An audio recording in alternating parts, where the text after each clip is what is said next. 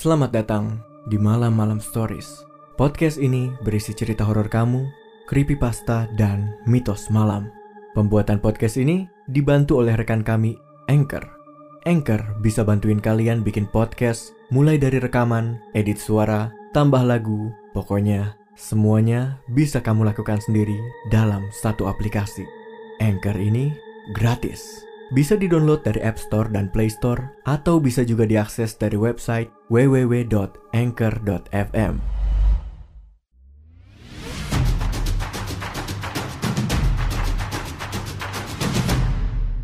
Kini Podcast Network.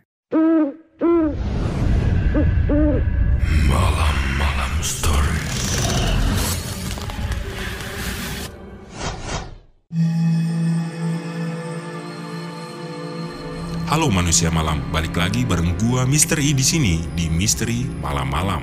Di kesempatan kali ini kita akan membahas suatu tragedi, yaitu tragedi Santa Cruz, mengenang kejahatan pemerintah Indonesia di Timur Timur.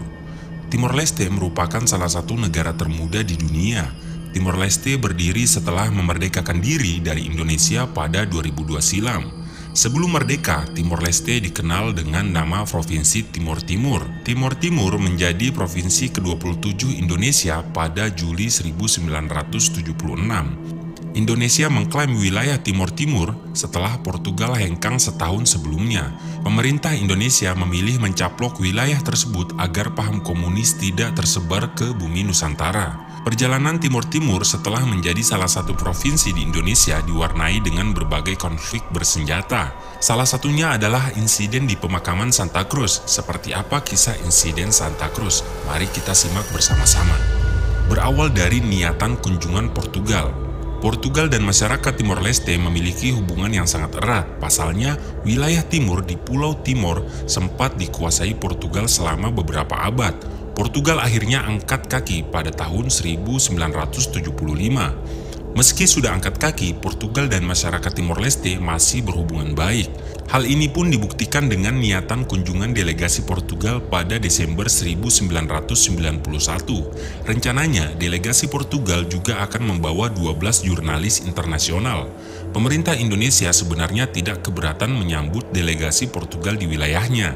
Akan tetapi mereka cukup panik ketika mengetahui kehadiran jurnalis internasional yang ikut serta. Pemerintah Indonesia takut para jurnalis tersebut bakal mengungkap berbagai kejahatan kemanusiaan yang terjadi di Timor Leste. Sementara itu, para pemuda Timor Leste sangat senang dengan kehadiran para jurnalis. Melalui gerakan bawah tanah, mereka sudah menyiapkan acara penyambutan delegasi Portugal dan para jurnalis. Nahas, gerakan bawah tanah tersebut berhasil diendus intelijen Indonesia para prajurit TNI yang ditugaskan di Timor Leste mengawasi gerak-gerik seluruh pemuda yang membuat spanduk penyambutan delegasi Portugal di gereja Motel Dili. Terdapat sebuah insiden yang pecah pada 27 Oktober 1991.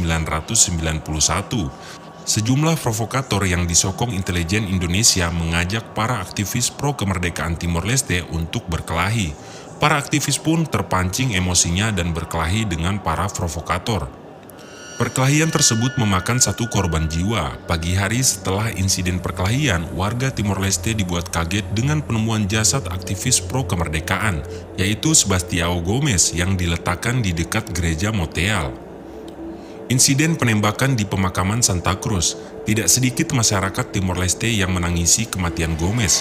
Pasalnya Gomez merupakan salah satu tokoh yang lantang menyuarakan kemerdekaan Timor Leste di Indonesia ribuan umat Katolik Timor Leste mengikuti misa arwah untuk memperingati kematian Gomez pada 12 November. Misa tersebut dilaksanakan di gereja Moteal dan dipimpin oleh Pastor Alberto Ricardo.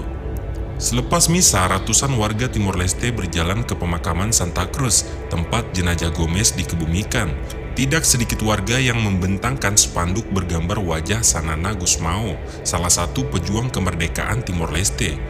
Sesampainya di pemakaman, masyarakat Timor Leste disambut oleh tentara Indonesia dari Kompi A Brimob 5485, Kompi A dan Kompi D Batalion 303 dan Kompi Campuran. Seluruh pasukan tentara Indonesia mengenakan pakaian preman agar tidak menimbulkan kecurigaan. Para prajurit pun langsung menembaki warga Timor Leste yang berada di pemakaman Santa Cruz. Berdasarkan video yang direkam jurnalis asal Inggris, Maxtal, kondisi langsung kacau balau. Masa langsung lari tunggang langgang menyelamatkan diri dari peluru-peluru prajurit Indonesia. Ada juga beberapa warga sipil yang bersembunyi di balik nisan. Paul R. Bertrop menulis prajurit Indonesia melepaskan tembakan membabi buta ke arah masa selama beberapa menit. Selain itu, tidak sedikit pula prajurit Indonesia yang menendangi serta menusuk masyarakat yang bersembunyi di balik nisan. Tidak jelas seberapa jumlah nyawa yang melayang di insiden Santa Cruz. Terdapat laporan yang mengatakan 50 orang meregang nyawa di insiden tersebut. Namun ada laporan lain juga yang menyebutkan terdapat lebih dari 200 korban jiwa. Indonesia jadi sorotan dunia. Insiden penembakan di pemakaman Santa Cruz langsung menjadi sorotan dunia. Pasalnya video karya Maxtal langsung mendapat penghargaan video terbaik dari Amnesty International untuk kategori hak asasi manusia pada 1992. Tidak cuma itu, video karya Stal juga membuat Timor Leste mendapat perhatian khusus dari Dewan Keamanan PBB.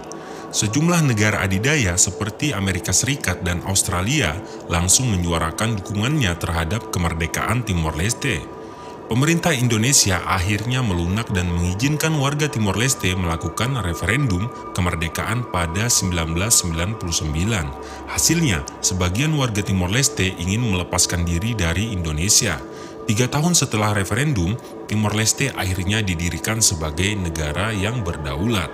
Nah manusia malam, demikian cerita kita tentang tragedi di Santa Cruz. Gua Mr. I, undur diri.